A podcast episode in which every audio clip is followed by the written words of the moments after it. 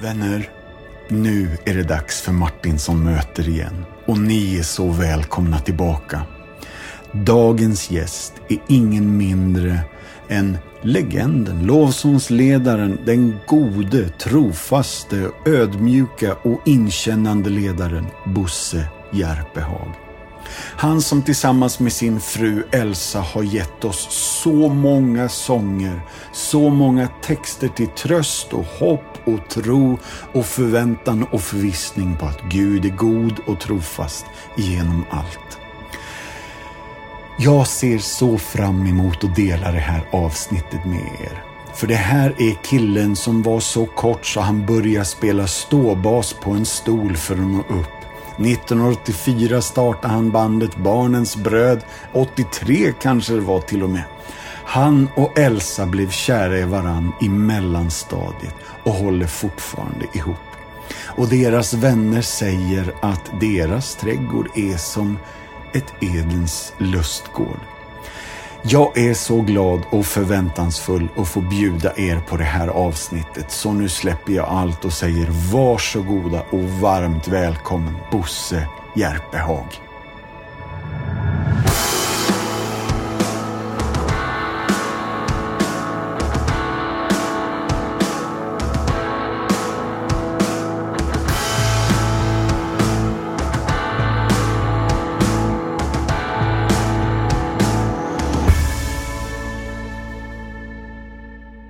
Välkomna till Martinsson möter. Jag heter Martinsson och jag vill hälsa dagens gäst varmt välkommen hit, Bosse Järpehag.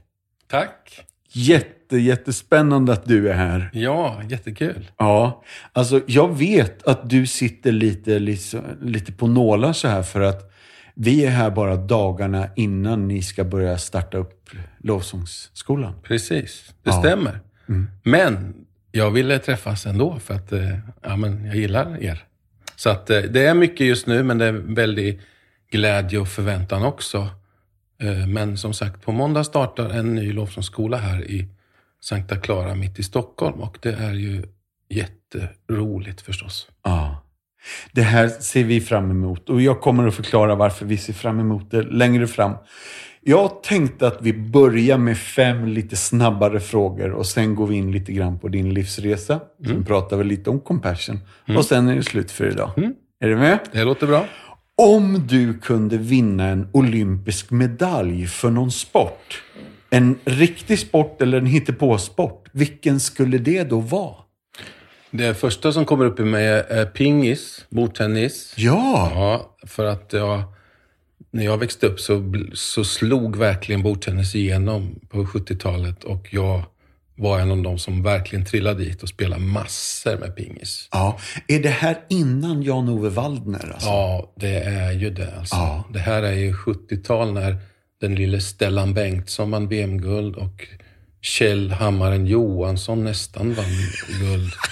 Så att det här är länge sedan som farbror Bosse eh, pratar om. Då. Ja, mm.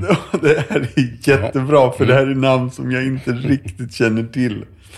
Men när vi ändå är inne på skoltiden, hade du något favoritämne i skolan?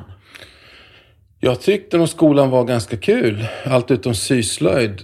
Eh, så att jag, ja, men jag trivdes i skolan, speciellt i liksom, låg och mellanstadiet och sen i högstadiet och gymnasiet blev jag lite mera estetiskt flummig och mm. tyckte att Jesus och musik och min flickvän Elsa var mycket viktigare än att plugga. Ja. Och människor och relationer var liksom mycket, mycket viktigare. Ja. Min brorsa var mycket duktigare på att plugga. Jag tyckte att, nej, det fanns andra värden. Ja, ja vad gött.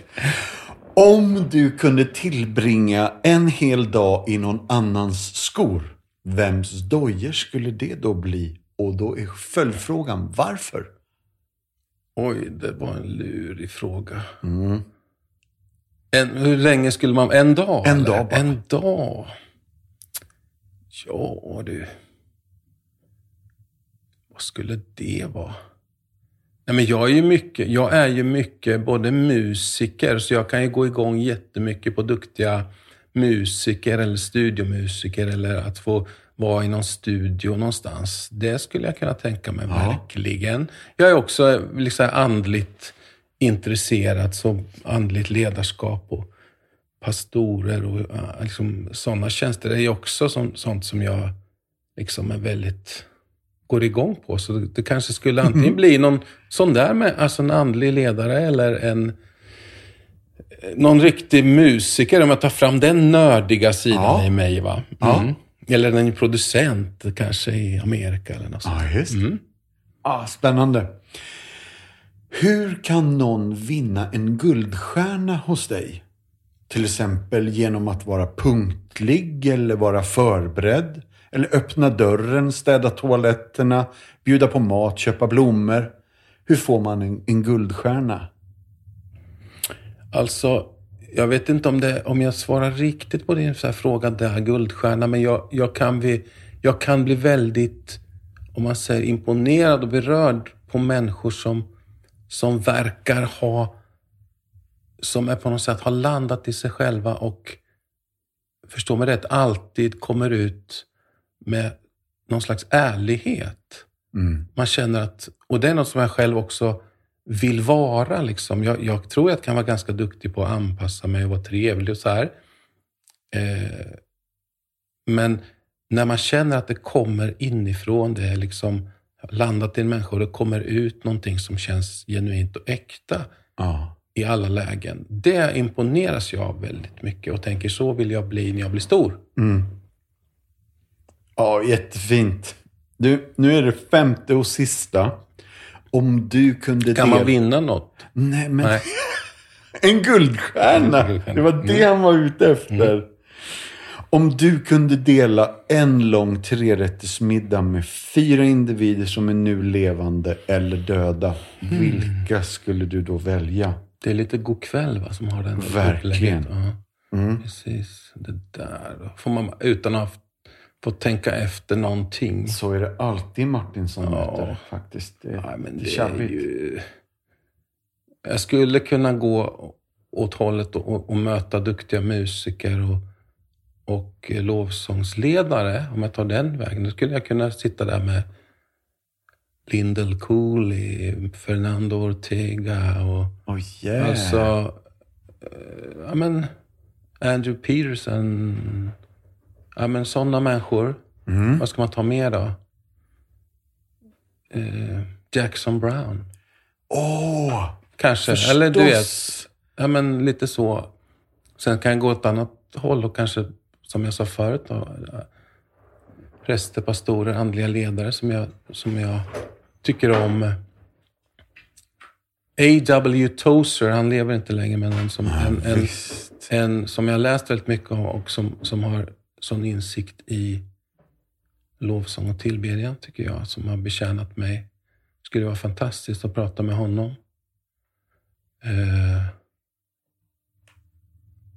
Tozer och Jackson Ja, Brown. visst. Ja, Men du, Och, eh, nu ja. är du uppe i fem. Är det Mm. din, din andra Nej, jag, sittning jag menar liksom Ja. att jag skulle kunna gå och sen kan man ju mixa då. Det hade ju också varit intressant liksom att sitta där med Tozer och kung David och eh, ja, Lindell Cooley och Fernando Ortega. Det Mhm. skulle inte vara så fel liksom. Ruggigt spännande. Mattias Martinsson. Ja. ja. Ja men du Bosse, ruggigt spännande. Nu kommer en fråga som jag nästan är helt övertygad att den här kan du. Vad hände den 25 september 1965? Eh, jag vet vart du är på väg, men Mm. då var ju jag alltså en dag gammal. gammal. Så att jag... eh, vill du ställa om den frågan eller? Jag vill inte sätta dig i dålig dager. Researcharbetet liksom. Det är jättebra! Du menar att du ska fråga, vad hände den Ja. 24 september? Precis. Ja. Vill du ta den igen eller? Nej, det är Det är roligt. jätteroligt. Ja. Ja, Ja. men det är kul. Vi visar att vi är mänskliga, brutna, brustna människor som, ja, precis. Ja, Älskade av Gud. Nej, men jag föddes den 24 september. ja det är bra. eh, 1965 och bara här om året så kom ju jag, och någon som skojar lite om att jag kanske till och med är gjord på julafton. Och det hade jag aldrig tänkt. Så helig är jag och Ja. liksom så va. Ja, Nej, men jag tycker det, är lite, ja, det var lite kul. Kanske ma- mamma och pappa var glada. Och Ja. så, och så blev jag till. ja. Hur många syskon har du? Jag har en storebror som är tre år äldre än Mats. Ja. Eh, och ditt fulla namn? Bo Göran Magnus Järpehag? Mm. Ja. Och brorsan heter Mats. Jajamän. Mm. Och är det Ljusfallshammar? Precis, ett ganska långt Väldigt namn. långt. Ja, långt namn. Ja. Norra Östergötland. Ja. Mellan, kan man säga, Norrköping och Örebro. Finspång är närmsta tätort. Så, Och där började du din bana. precis. Där växte jag upp. Är det sant att det var ståbas på en stol? Absolut, det var det. Och just det var ju när min brorsa då, som då var 14 år, eh, till- med hjälp av våran mamma då, Inga, startade en ungdomskör. Ja. Och då tog mamma pianot och jag började spela lite ståbas som fanns i kyrkan. Och var ju, behövde stå på någon pall där för att få till det liksom. Ja. Så det var en väldigt, en väldigt så här präglande tid att få, få komma in i en sån gemenskap. Och, och upprinnelsen var faktiskt, som det kan vara, så här sommarläger som man var på i kyrkan. Ja. Och där många fick liksom en möta Gud och fick börja sin tro på Gud. Och många, många var från icke-kyrkliga hem. Så det blev liksom en hel rörelse och utifrån det så startas den här ungdomskören då, som blev min skola då på många, många sätt. Liksom. Och, Ja. men ståbasen var eh, den första, precis, min första uppgift och sen köpte mamma en Gibson-kopia elbas som heter Duke. En väldigt svampig bas på något sätt, men jag, det visste ju inte jag då. Men den var liksom märklig. Ja, så. Men sen så småningom så började jag spela piano i den här ungdomskören. Då. Och det blev ju verkligen min skola i, på många, många, många sätt. ja. Men alltså, du var ganska ung. Du sa att brorsan var 14. Ja, precis. Men du var inte så gammal Nej, då? precis. Då. Så att jag började tidigt med, med det då. Ja.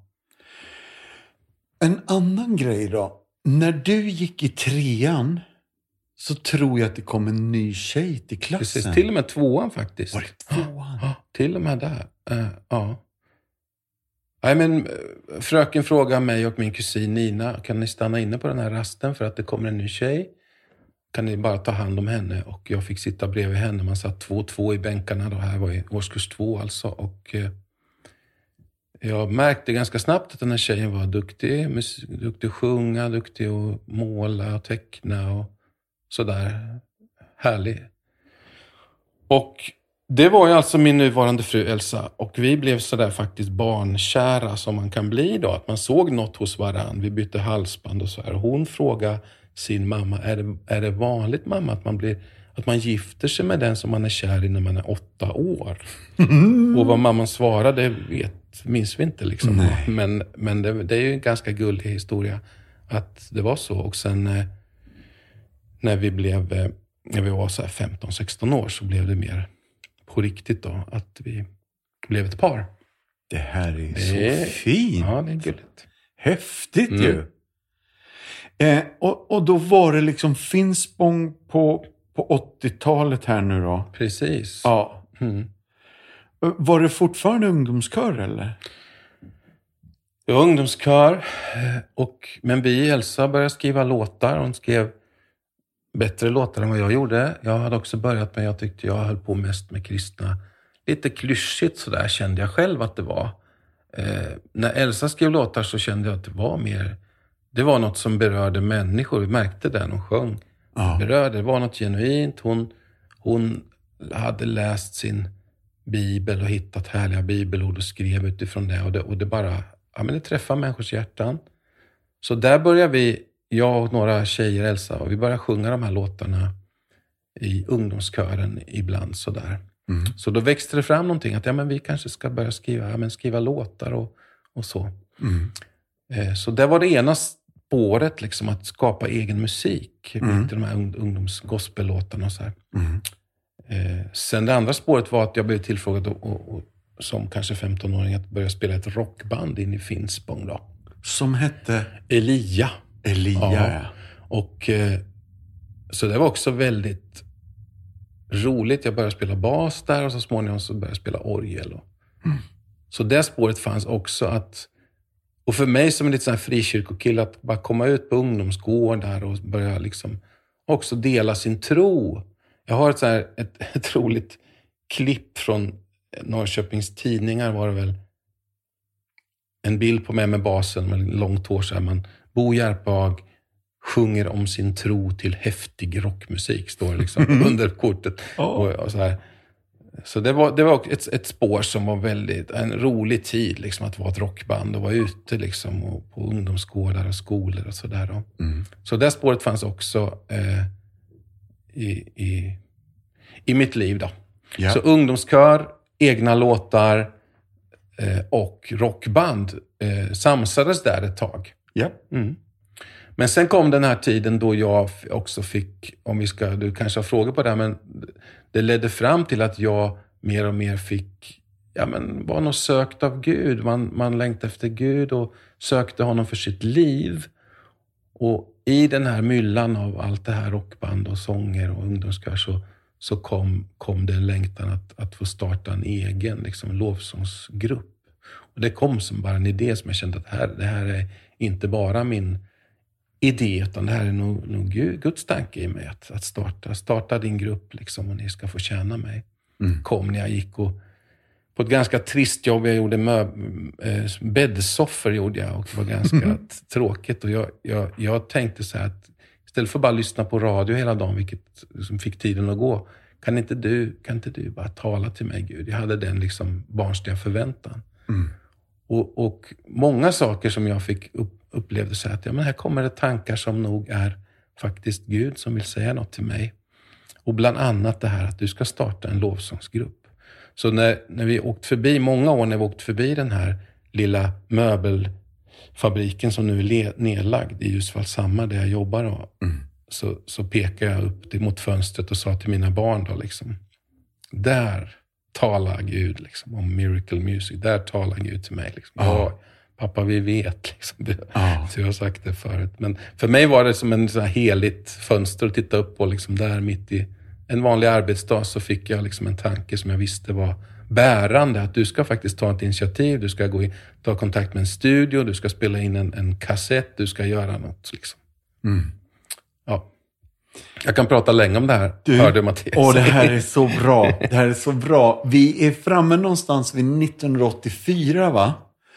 Och det är två avgörande händelser det året som jag tänker lite extra på. Då. Vill du hjälpa mig? Alltså nu är det ju nästan, det är nästan rätt hela tiden. Så va? 84 är avgörande, då gifter vi oss, Elsa och jag. Ja. Det är fantastiskt. Ja. 85 på hösten, då då samlas vi ett gäng ungdomar och eh, startar, känner att nu startar vi ett band. Liksom. Vi kallar oss för Barnens bröd först. Ja. Men sen känner vi att nej, men vi ska nog även betjäna i andra länder. Så att nu hitta något internat internationellt. Så, vi, mm. så blev det Miracle Music ganska snart. Ja. Och också den här eh, idén att jag ska kontakta en studio och jag ska göra en inspelning. Liksom. Ja. Var det det du tänkte på eller något annat du funderade på? Det var det jag ja, tänkte på. Precis. Mm. Ja, men det men... var en, en, en, en, en milstolpe, liksom, mm. självklart. Att eh, våga ta det där steget. Ibland när människor frågar liksom att jag har jag har, man, man har en längtan efter någonting. Liksom, att eh, man kanske vill, ja, man skriver sånger eller sådär. Eh, då brukar jag säga olika saker. En sak brukar jag säga att låna inte upp för mycket pengar och satsa och tro att det ska, liksom, allt ska hända på en gång. Liksom. Det brukar jag ge ett, ett, som ett råd, att man är, man är lite sund. Det behöver inte hända på en gång. Eh, men också att, att eh, våga ta steg på den längtan som man har. Och, mm. och det vågar jag då. att Jag, jag gick omkring vet jag, och bad och sökte Gud. Men till slut kände jag att Hallå Bosse, du, du har ju redan upplevt att du ska faktiskt gå åt det här hållet du ska ringa till en studio liksom och, och boka tid. Det är vad du ska göra. Och du vet det liksom. Så jag minns när jag tog upp den där telefonen och ringde till studion liksom och, och med lite darrande röst och inte alls så frimodig sa att vi är ett gäng eh, unga människor som har precis bildat en grupp och vi har några låtar och vi vill spela in. Och han, de, det var inte liksom kristna människor, så att han svor åt mig i telefon, inte på ett att han var arg, utan tvärtom att han tog li liksom så här och sa att Mm. det här kommer bli jättebra. Han hade liksom mer tro än vad jag hade, kändes det som. Mm. Men det var en, milstolpe att våga ta det där initiativet och sen se var, vad det leder till. För det är ju så att vågar man ta ett initiativ på det som man hör i sitt inre, så det leder till saker som man aldrig skulle kunnat liksom tänka sen. Det, händer grejer. Ja. Och det gjorde det ju verkligen sen. Då. ja. För där föddes ju sånger som fortfarande lever kvar. Ja, precis. Någonstans där, eh, den kom inte med på första, vår första eh, kassett som vi gjorde då, men en, en av mina tidigast, tidigaste sånger var, var Att lära känna dig är min längtan. Och jag brukar tänka på det ibland, att, som du säger, att, att sånger kan leva kvar. Och det tycker jag är så fantastiskt. En, en, min sockenkyrka där jag bor, prästen där hörde av sig till mig att du har flyttat hit till vår trakt och vi har, i vår konfirmandgrupp har vi en tjej som bara älskar den här sången som du har skrivit, Att lära känna dig är min längtan. Och de kallade hela sin konfa liksom period för att lära känna dig. Och då tänkte jag på det där att oj, tänk vad sånger kan få liksom ta vägen någonstans. De får vingar. De får vingar och så någon liten tonårstjej i min socken då, som, som berörs av den många, många, många, många år senare. Liksom. Eh, Det är väldigt, då blir man ödmjuk och tacksam. Mm. Jättefint. Och jag tror, nu, nu blir jag lite nervös med mina detaljer här då. Men jag Ska du tro- bli? Ja, det är bra. Jag tror att ni var ett elvamannaband. Ja, det var vi ju. Precis, vi var Ett många. stort gäng. Ja, precis. Det var vi. Alltså jag har alltid tyckt om det här. Man kommer från ungdomskörshållet också. Man tycker det är kul med stämsång och arra för det. Så det, var, det var ett liksom bra gäng som, som sjöng då. Och sen ett, ett band till liksom. Ja. Och percussion och ja. ja. ja. Så det var, det var väldigt en rolig tid. Mycket fint. Och mycket viktigt som föddes där. och så. Ja, detta kunde vi prata om länge, men jag har en fråga. Finns det någon plats som du känner, ja men här landar jag, här kopplar jag av, här eh, kommer jag till ro, här känner jag mig hemma. Jo, men absolut. Alltså, dels är det väl så för många, men jag har ju så tydlig... Jag har en släktgård där jag liksom föddes, där jag har bott mina första år. Där jag, en sommarstuga där på den gården med liksom egen... Alltså sjön, sjön där och man har egen natur. Och där, där självklart, det var en sån där plats där vi ungdomar också träffades, du vet på onsdagskvällar på sommaren, spelade volleyboll, grillade korv, sjöng lovsång, bad för varann. Alltså hela den där kristna härliga miljön i sitt mest positiva bemärkelse fick man eh, uppleva där. Eh, så den platsen, absolut. Men 2014 så flyttade jag och Elsa ut riktigt på landet utanför Uppsala.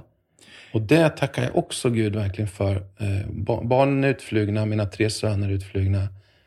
Och Elsa älskar trädgård. Hon, hon är jätteduktig på det och älskar det. Och där fick vi en jättehärlig oas i, i liksom mitt ute på landet. Hon kan hålla på med blommorna. Jag har en musikstudio där, ute i ett, ett uthus. Och, ja, men jag älskar den platsen. Den, den tackar jag Gud för. Mm. Eh, Jag älskar fåglar, jag är ingen expert, men det finns liksom det finns massor. Man ser örnar nästan varje dag. Det är liksom ja, men det, det är ett rikt naturliv och, och det, det, jag tror att det betyder väldigt mycket för både Elsa och mig. Mm. Är det den här platsen som heter Rasbo Årby? Precis. Ja, Mm. då är jag med. Och detta är då din Där är, hade du socken. rätt, verkligen. Ja, nu Mm. äntligen. Mm. Bra. Du, jag har hört av era vänner att eh, ni har en trädgård som ser ut som Edens lustgård. Mm. Alltså.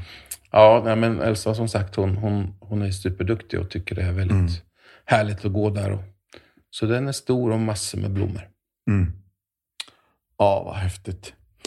Du, eh, någonstans på resan här. Jag trodde nog att Upphöj Jesus, lejonet och Juda var den första.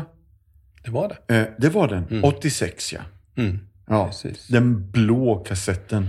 Ja, vi hade faktiskt två olika Aha. omslag på den. Det var inte så professionellt att vi ändrade liksom. Mm. Jag vet inte varför vi kom på att vi kanske skulle, ja, på något sätt. Ja, Men alltså, om jag bara ska namedroppa några grejer här. 1986 Miracle Music, Upphöj Jesus, lejonet av Juda. 1989 Miracle Music, Älska mina ord. 1990 Bo Järpehag, Herren är med dig, du tappar stridsman. 91 Bo Järpehag, Jag vill jubla och dansa. 1993 Miracle Music, The Gospel of the Kingdom. 96 Miracle Music, Jesus Now and Forever. Och 98 Bo Järpehags fullträff, Glada sånger för hela familjen. Och så här fortsätter det ju. ja eh, precis.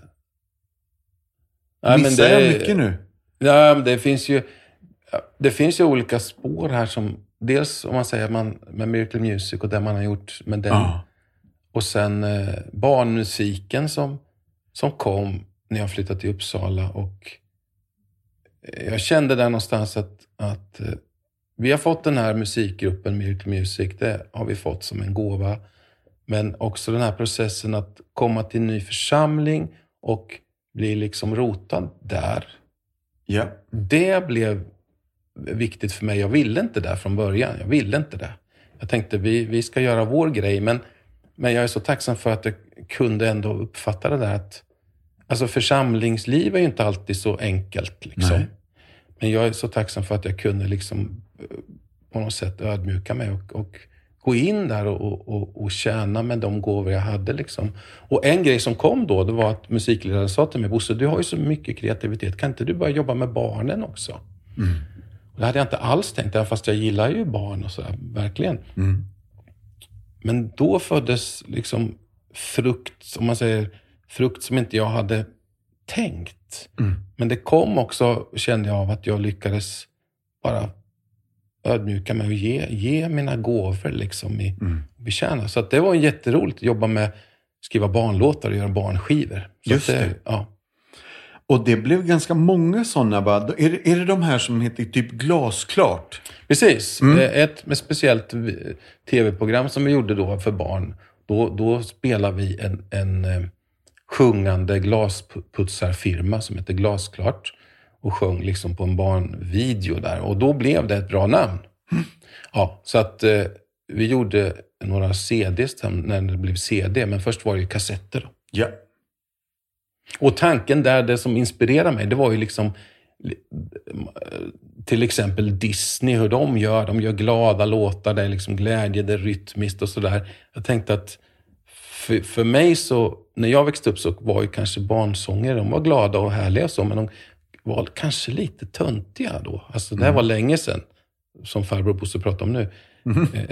Så jag ville liksom ge barnen mycket rytm och mycket liksom glädje då och stoppa in bra grejer om Jesus och Guds ord. Och så. så det var lite vad, vad som liksom drev mig där. ja. Eh, jag tror, Bosse, att du började någonstans 94 på Livets Ord. Mm, Och jobbade där till nyåret 2011-12 eller? precis. Nu hade du ju riktigt rätt Ja, på spiken. äntligen. Ja. Jajamän. Ja, Nej, men så var det. det nu. Någonstans 94 så blev jag anställd. Mm. Och jag, jag brukar berätta, för, för mig var det en stor uppmuntran. Jag, jag hade inget jobb och jag undrade lite, vad ska jag göra? Kände mig lite så här missmodig.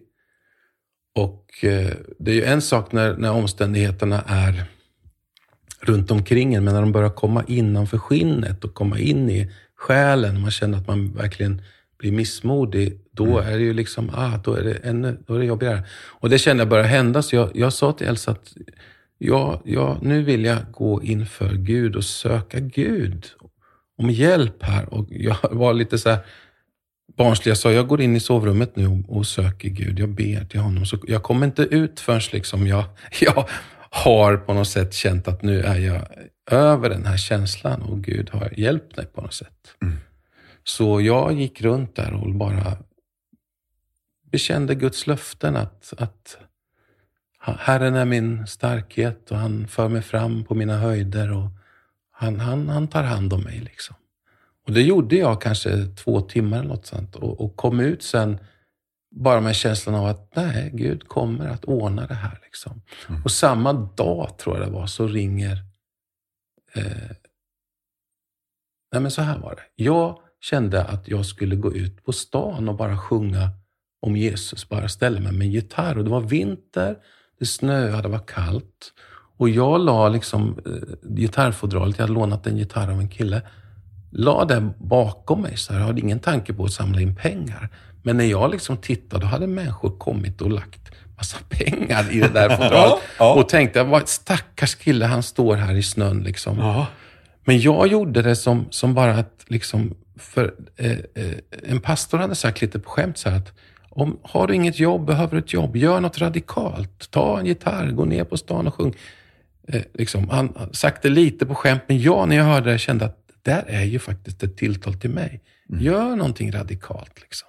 Och jag fattar ju att lösningen för mig är inte att sjunga med och, och liksom tigga pengar med gitarrfodralet. Utan jag bara gör liksom en slags lydnadshandling till Gud. Och sen då samma dag så ringer telefonen och då får jag min anställning i församlingen. Yeah. Och för mig blev det en sån uppmuntran återigen att, att, att, att bara ibland vara lite så radikal. Liksom gå, gå och, och, göra, mena allvar med Gud. Och, och de, de, jag tänker de där tillfällena när man på något sätt bottnar i sitt hjärta och, och, och jobbiga omständigheter kan ju hjälpa till faktiskt. De behöver inte liksom vara fiender, de kan hjälpa oss att verkligen hmm, mena liksom allvar med Gud. Och när vi gör det så kommer vi se att han är trofast, att han hjälper oss, att han faktiskt svarar på våra böner och, och befriar oss. Liksom. Mm. Och just det där tillfället när jag fick mitt jobb i församlingen var en sån där väldig uppmuntran för mig att Gud ser till lilla Bosse Järpehag. Mm. Och då hade ni bott där i några år va? Vi kom upp 87 och ja. jag ja, precis, hade gått, upp, ja. gått bibelskola då 87 med hela eh, de, liksom, lovsångsgänget. De flesta åkte med eh, upp och gick bibelskola. då. Ja, mm. just det. Och sen är det, alltså jag ska inte göra listan längre med skivor, men det är många plattor. Men det är en jag speciellt skulle vilja nämna, för den fanns inte på Wikipedia. Jag tror att det är runt 99 eller 2000. Ni är ett gäng som drar ihop ett annat gäng och så samlas ni och så lirar ni in en skiva som jag vill minnas var väldigt gul och hette Koinonia. Mm. Det var precis då och det, initiativet kom ju från eh, min vän Jonas Stenlund. Japp. Ja, som sökte upp mig och då, jag var ju, alltså jobbade på Livets Ord och var inne i det, liksom full fart. Vad som hände där med bibelskola och resor och skivinspelningar. Mm. Men Jonas hade liksom hjärta för att, att bygga broar och relationer till, mellan olika kristna sammanhang och, och, och sångare och musiker. Så han fick det där på hjärt, mitt, eh, mig på sitt hjärta och bjöd ut mig på lunch och vi började liksom träffas och sådär. Eh, och det ledde fram till att, att när han kände att de, de ville göra en sån här skiva liksom med, med människor från olika sammanhang, lovsångsledare som skulle träffas, så, så frågade han mig liksom och, så gjorde vi den eh, tillsammans. Mm. En väldigt viktig skiva får vi säga. Ja, faktiskt. Jag träffade Micke Finn där också för första gången mm. och vi fick eh, med varandra att göra. Mm. Det är lite märkligt också för att innan jag liksom alls äh, kände honom väl så fick jag ett brev. Alltså det här var länge sedan man fick pappersbrev. Liksom. Mm. Och en kille säger att jag tror att du och Micke Finn kommer samarbeta. Och jag hade, det var ju inget som sa varken bu eller bä i mig, utan jag la, la det där brevet i min nattdukslåda. Liksom. Och bara gömde det. Och Gud får väl ordna det i så fall. Men, mm. men sen hände ju det. Bland, och första gången jag träffade Micke var, var eh, på den där skivinspelningen. Så att det var som, som du säger, ibland är sådana där tillfällen viktiga. Det, det knyts kontakter, det byggs relationer och så leder det till nya vackra saker. Liksom. Mm. Viktiga vänskaper, ja, verkligen. verkligen. Mm. Men inte bara för er som var närvarande där, utan för oss som fick del av det ni åstadkom under de där dagarna med de sånger ni hade fått. Det är ju speciellt på det min Gud förtröstar jag som har blivit någonting som levt kvar i hela Kristi kropp. Eh, ta oss med bara i någon story kring sången och skapandet av det där. Mm. Jag brukar säga att, eh, att jag inte riktigt minns vad det var som Elsa och jag kanske utmanades av just då. Om det var en ekonomisk situation eller eh, vad det kan ha varit, något speciellt. Eh,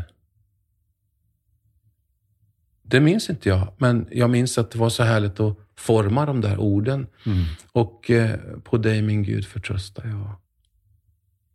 När oro skymmer min morgondag. Eh, att det var så skönt att lägga, liksom, lägga det i sin mun och rikta förtröstan till Gud. Mm. Eh, och Elsa har ju varit väldigt duktig med att skriva texter och formulera på ett fint sätt. Så att, eh, och alla vet inte det, att de tänker liksom, det blir lätt att jag liksom, den som får all ära, men Elsa har verkligen skrivit många av de texter som vi sen har blivit lovsånger. Då. Yeah. Men jag tänker på det där också, att den sången har blivit så spridd och älskad, att det finns någonting med som är så basic och grundläggande med att få förtrösta på Gud. Liksom. Mm. Vi är alla svaga, vi har alla mer och mer tänker jag på mitt liv. Alla har sina utmaningar. Alla har sina saker som plågar och liksom skaver. Liksom. Alla har det och därför de här sångerna som kan sätta ord på där vår själ får, får just förtrösta på Gud och påminnas om att han är med oss. Han är trofast. Mm. Alltså de, det finns många exempel på att sådana sånger blir omtyckta. Liksom. Mm. Så att eh, jag, jag minns inte vad, exakt vad det var, men jag minns att det var så underbart att ta de där orden och när det började falla på plats med melodi och ackord och sådär så... Eh, och det var faktiskt, blev inte faktiskt så jättedirekt någon slags lovsångshit på, på Livets Ord. Mm. Utan det var nästan att den mer i andra sammanhang fick liksom vingar. Då. Mm. Bland annat att, att, min vän Jonas Stenlund ville ta med, ta med den på den här mm. skivan. Då.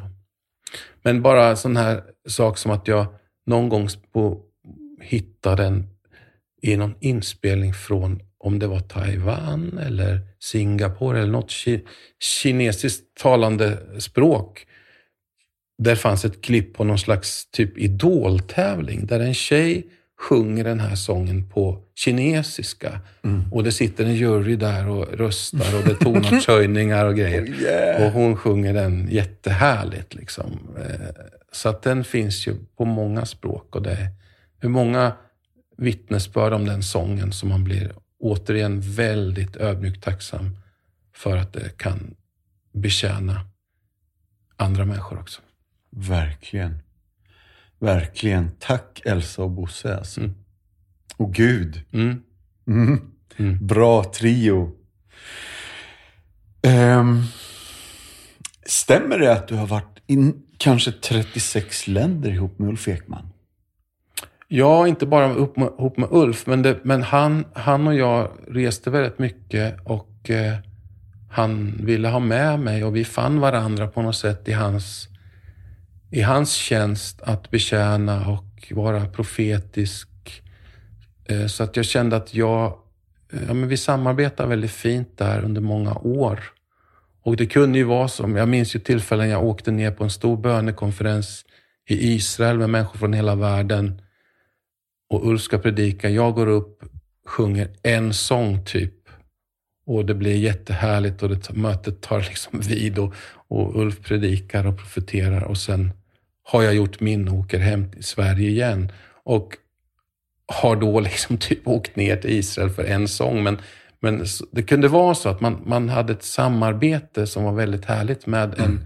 en tjänstegåva. Då. Och, eh, så därför har det blivit väldigt många länder och eh, jag har mött så många härliga lovsångare också, sångare och musiker. För ofta så samarbetar man med någon lokalt liksom, band där. Och, mm.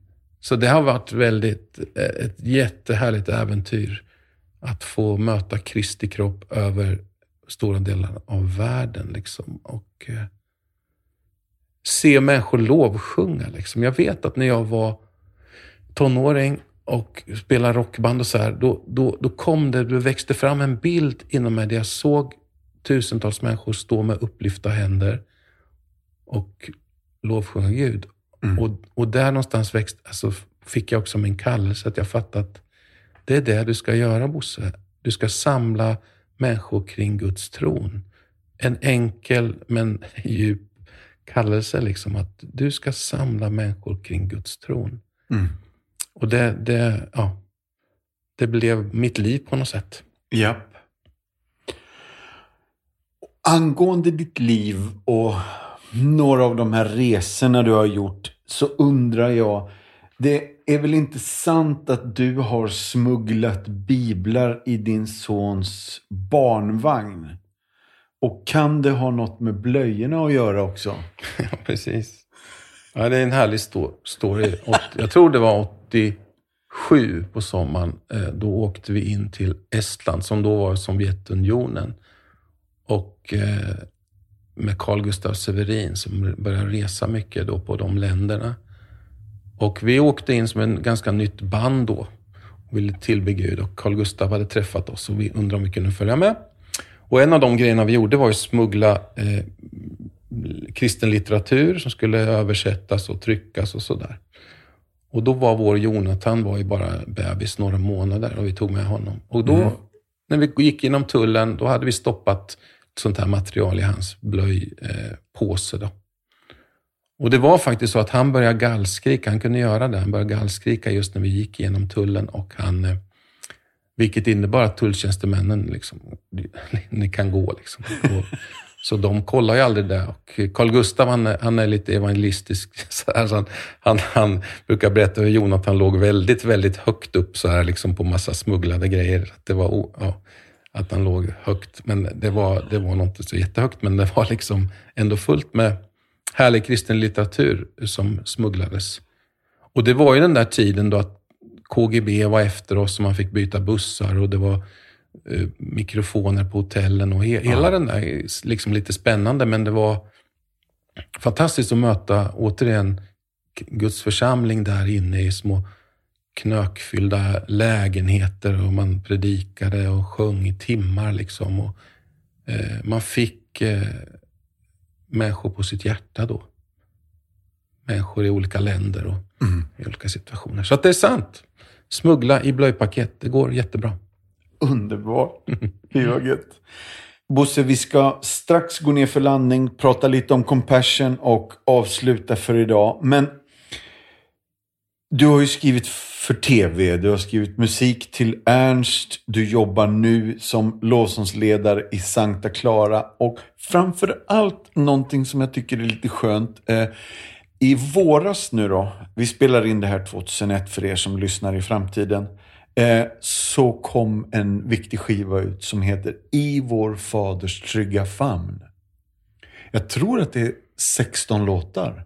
Mm som spelades in över en helg med mm. gänget runt er. Precis. Bara berätta lite om det. Ja. Nej men eh, pandemi och, och det, allt vad det innebär. Eh, eh, och eh, jag fick den tanken att, att göra, göra den här och man helst ville jag spela in den med, i en församling. Alltså med, men det gick ju inte i pandemin så tänkte vi gör det ändå. Vi spelar in det liksom live fast vi är bara teamet då. Ja.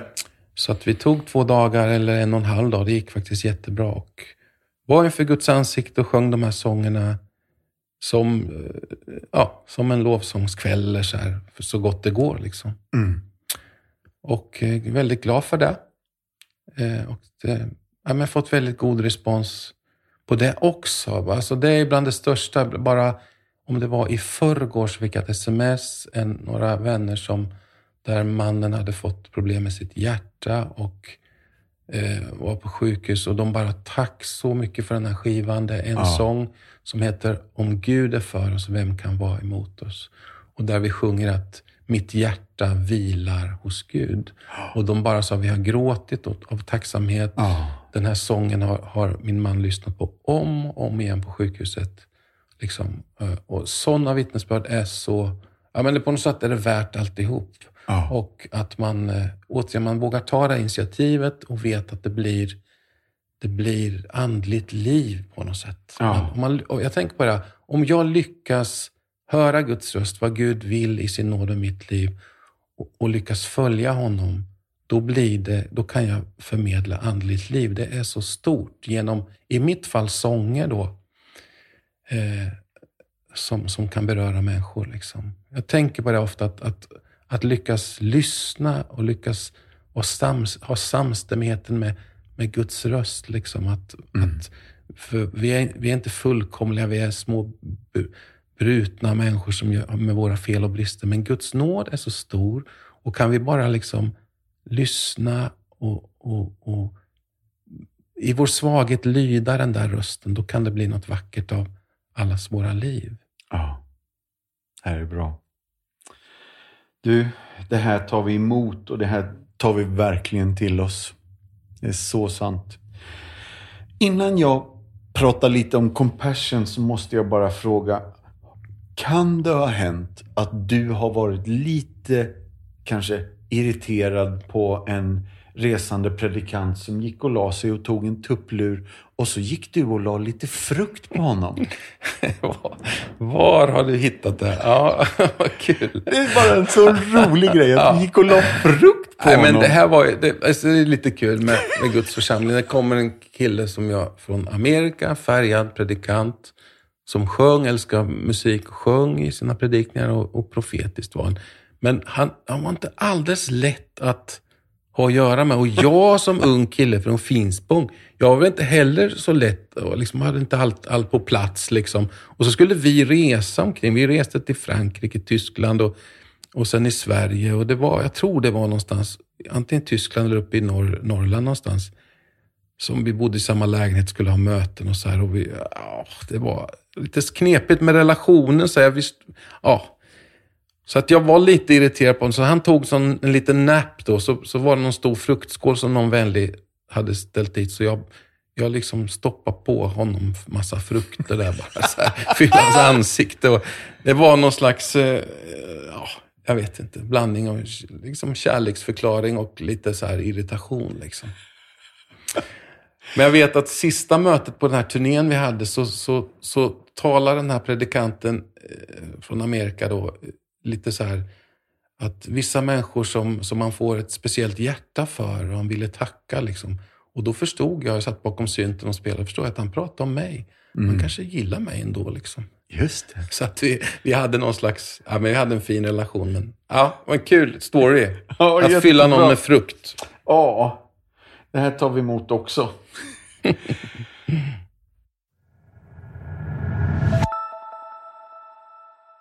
Så här långt in i programmet så brukar jag berätta lite om Compassions arbete i fält, men nu ska jag läsa vad som står om oss på Sankta Claras hemsida istället. Rubriken är Compassion, bli fadder. I Sankta Clara kyrka har vi alltid sett till den fattige och förtryckte. Vi arbetar nära den som har hamnat snett och vi går den extra milen för att hjälpa den som är i nöd.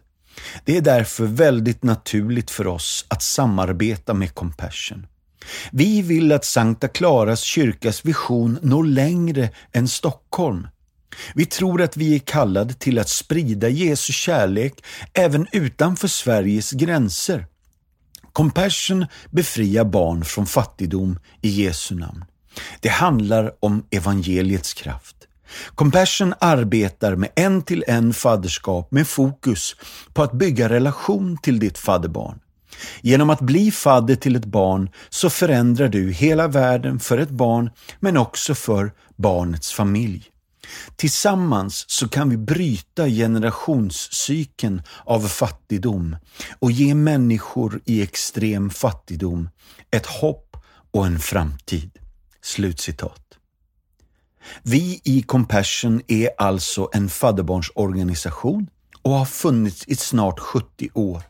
Och vi hjälper över 2,1 miljoner fadderbarn i 25 länder. Vårt uppdrag det hittar du i Markus evangeliet 16 och 15. Gå ut i hela världen, predika evangelium för hela skapelsen. Så, som svar på missionsbefallningen existerar alltså vi som en förespråkare för barn i nöd, för att frigöra dem från andlig, ekonomisk, social och fysisk fattigdom. Vi vill vädja till dig att tillsammans med oss förvandla liv. Och för 310 kronor i månaden kan du bli fadder till ett barn och hjälpa en familj. Gå in på www.compassion.se och bli fadder idag. Tack snälla för att du är med och hjälper till. Då är vi tillbaka igen nu då. Jag vet att du känner till Compassions arbete väl, Bosse. Men inom lovsången så kallar man det ofta för worship eh, och i vårt arbete så kallar vi det för compassion. Men många liksom inom kyrkan internationellt sett är väldigt medvetna om att det här är de två benen som kyrkan står på. Men det är inte så tydligt eller så synligt i alla våra kyrkor i Sverige. Kanske att det är extra tydligt får jag säga i Sankta Clara där du jobbar nu. Att det står på de här två benen. Men bara när du, vad, vad tänker du kring fattigdomsbekämpning? Ja, precis. Nej, men jag kan väl bara börja där i det, precis där jag står. Jag har gått in i nu i Sankta Clara. Eh, som jag tycker är spännande just att det finns en miljö med ett brusande man säger, gudstjänstliv, med lovsångsliv, där man, där man sjunger och tillber Gud, men det finns också varje dag här att man, man ser den lilla människan eh, och hjälper människor som är totalt hemlösa och så vidare. Eh, mm. Eh, så att jag har kommit in i det och tycker att det är väldigt vackert och det är också spännande att ha en lovsångsskola i den miljön, liksom, ja. tycker jag. Eh, och, eh, och jag kan säga bara allmänt att hela min uppväxt i kyrkan, jag har ju mött man kan säga mycket om kyrkan, liksom, men jag har ju mött människor som verkligen har, har barmhärtighet och compassion för utsatta människor. Det har jag mött hela mitt liv och det tycker jag är väldigt vackert. så. Ja. Och, och den Jesus som jag känner och lärt känna, han, jag tänker att han har verkligen ett han ser alltid till den lilla människan. Han ser alltid till, den, till barnen, till de som, liksom till änkan, till den fattige, till de som är förtvivlade. Det, han, han, ser alltid dem. Liksom. Vi kanske inte alltid gör det. Vi har alltid liksom, oftast nog med våra egna liv, men, men Jesus, han ser alltid till den lilla. Liksom. Eh, och Det är min Jesus och eh, eh, därför så ja, men jag tycker det är fantastiskt att det Compassion gör och det Klara gör och det kyrkan gör och det är alla människor som vill engagera sig att, att, att, att hjälpa den, den lilla, lilla utsatta människan. Liksom. Och som mm. sagt, här mitt i Stockholm, där jag får nåden att jobba nu, där, där ser vi det varje dag. Det står en lång kö här som, med människor som tar emot mat och det, det är hemlösa människor som det, där det verkligen har kraschat. Liksom. Mm. Och eh, att man får, får se till de människorna och, och, och ha ett mjukt hjärta. Liksom. Att, att, ha ett mjukt hjärta som jag vet att vår far i himlen har. Liksom. Han, han, han ser till den förtvivlade. Liksom. Mm. Det är väl det som kommer ut i mig när jag tänker på, tänker på det. Mm.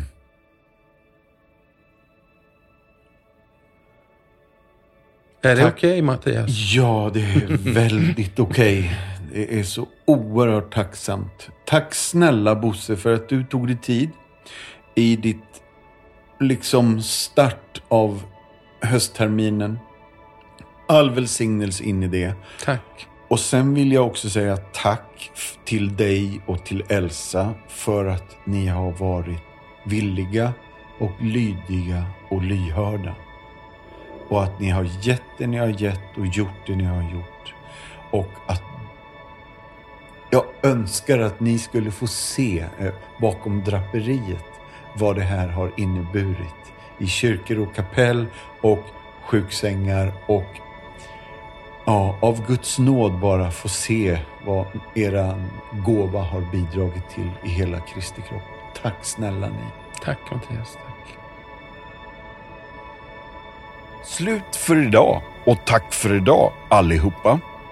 Vill du veta mer om det som har pratats om i podden så har vi något på vår hemsida som heter Show Notes.